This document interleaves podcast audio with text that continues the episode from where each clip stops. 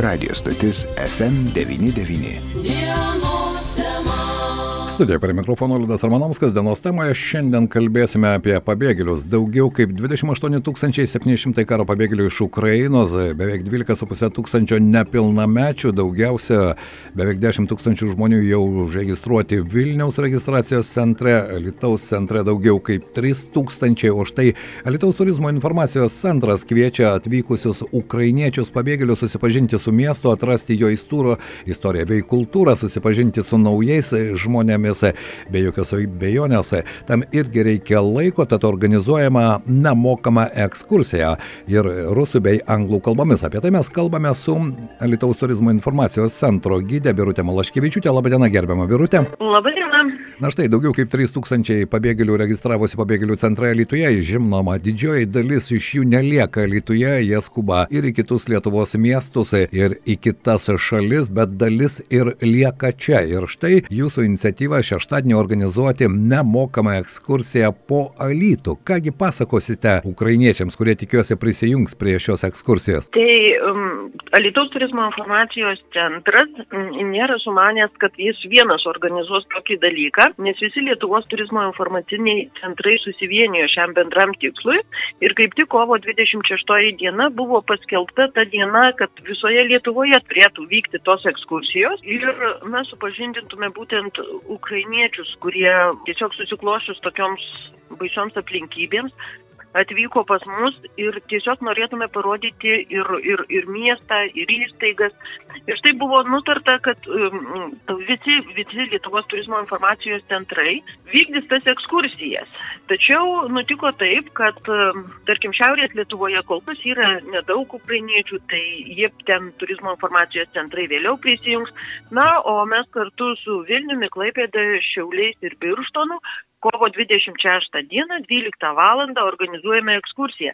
Ir tai nebus tik tai ekskursija, kur mes supažindinsime kartu su miestu, tai žinoma ir, ir pasakosime ir jo istoriją, ir pasižiūrėsime, bet tuo pačiu ir parodysime jiems svarbės įstaigas, kad, tarkim, kur yra ligoninė, policija, savivaldybės pastatas, kad jiems būtų ne tik tai, tai kaip tokia pažintis, bet jinai ir būtų naudinga, kad gautų Taip. jie tam tikros informacijos, nes, nes iš tikrųjų kartais, kartais žmonės būna pasimetę ir mes jau džiaugiamės, kad pradėjo pas mus registruotis ir registruoja juos tie žmonės, kurie yra prieėmę, priglaudę ir ar skiria kažkaip tai gyvena kartu, ar skiria gyvenamą plotą, ar mes tuo labai džiaugiamės. Tai mes tuo pačiu ir norime paprašyti, kad tikrai tie žmonės, pas kuriuos gyvena, kurie rūpinasi, rūpinasi ukrainiečiais, kad jie nebijotų mums paskambinti ir, nu, kaip išdrįstų, sakykime, nežinau, kartais būna suabejoja, ar kad tai uh, būtų telefonas 8687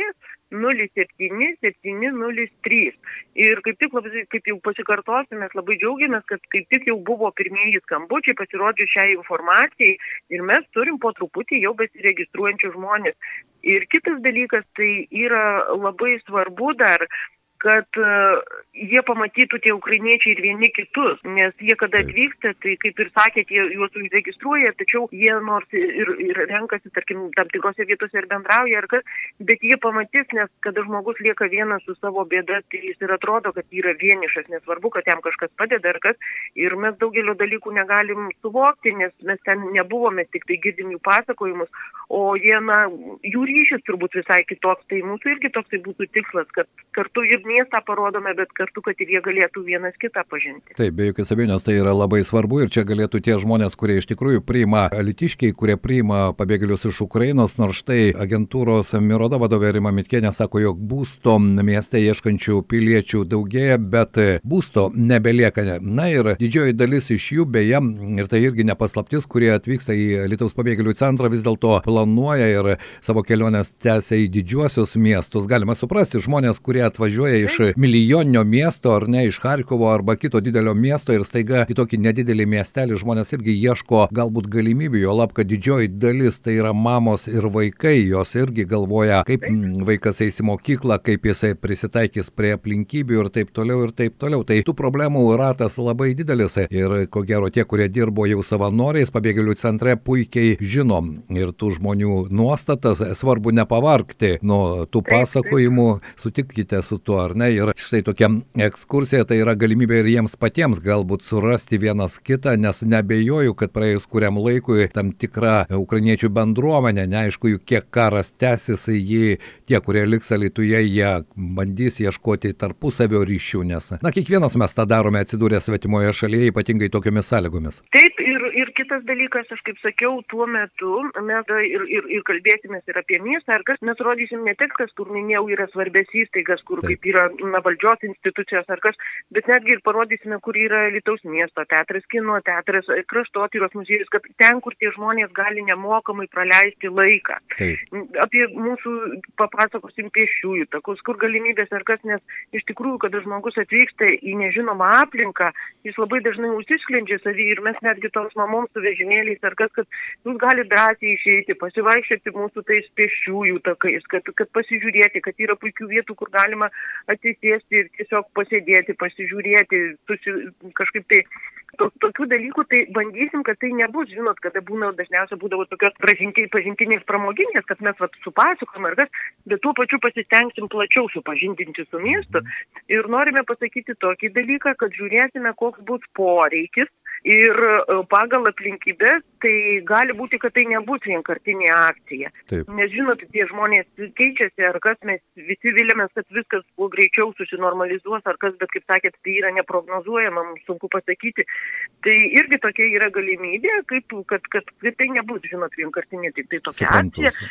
Bet atsižvelgsim, kaip, kaip, kaip viskas klostysis ir, ir, ir žiūrėsim. Pagaliau tie, tie lietuvaičiai, kurie prieėmė pabėgėlius iš Ukrainos, jie irgi gali keistis. Ir e, čia svarbiausia iš tikrųjų nesidrovėti, paskambinti į turizmo informacijos centrą Lietuvoje. Dar kartą priminsiu telefoną, jeigu aš neklystu, 8687 077 03, ar ne? Kontaktinis telefonas, kuriuo galima skambinti, užregistruoti, nes nebejoju, kad ukrainiečiai ir tos informacijos dar neturi ir ko gero juos jį pasiekė kiek sudėtingesniais keliais. A, kokiamis kalbomis, beje, Birutė, planuojate pasakoti, nes kiek suprantu, jūs būsite tas gidas, kuris pristatinės ir tuos mm. objektus ir pasakos apie mūsų miestą?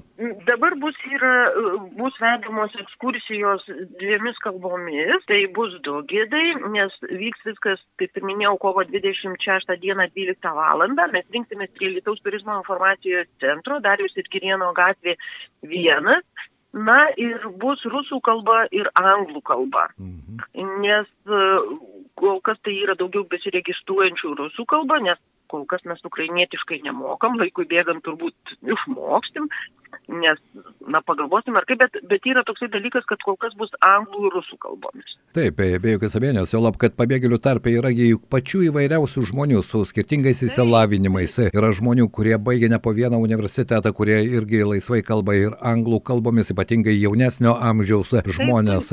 Tarp tų 3,5 milijono, kurie jau paliko Ukrainą, iš tikrųjų patys įvairiausi žmonės. Birutė, dar vienas klausimas. Vis dėlto pirmieji skambučiai jau yra, žmonės rūpinasi savo globotiniais, registruojasi, norisi paskatinti ir kitus, nedvėjoti to daryti, nes iš tiesa tas psichologinis mikroklimatas, aš suprantu, šeimas, kurios priima ar ne, suteikia gyvenamąją vietą, atrodo, bet juk kasdieninė rutina jį vis tiek šiek tiek keičia tuos santykius, juk 28 karo diena. Man netgi sunku pagalvoti, aš prisimenu tą rytą, kai aš 6 val. ryto atsisėdau eterėje ir pamačiau tuos pirmosius kadrus iš karo pradžios. Sunku buvo žinoma to patikėti. Kiek jūsų nuomonė, tai tokios įvairios iniciatyvos tame tarpe ir turizmo informacinio centro ir festivaliai įvairūs, kino festivalis, kino pavasaris skelbė, jog ukrainiečiai pabėgėliai gali nemokamai ateiti į jų festivalio kino e, seansus Kaune ir Vilniuje, nežinau, Lietuvoje galbūt dar ne, nors čia irgi bus kino festivalis. Tie kultūros įstaigos galėtų prisidėti prie to, na, tokio mikroklimato ir svetingumo sukūrimo. Tai